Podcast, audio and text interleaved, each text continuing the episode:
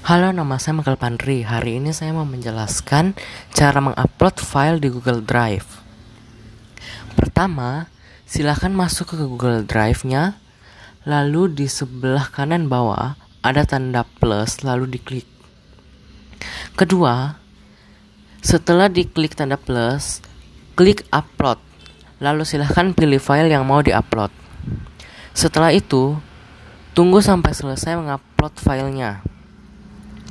Jika sudah terupload di Google Drive kalian dan kalian mau bagikan file yang kalian upload, silahkan klik titik tiga yang ada pada file tersebut, lalu klik salin link.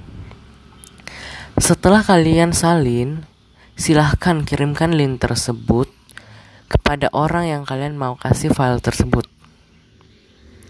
Itu saja yang bisa saya jelaskan tentang cara mengupload file di Google Drive. Sekian, terima kasih.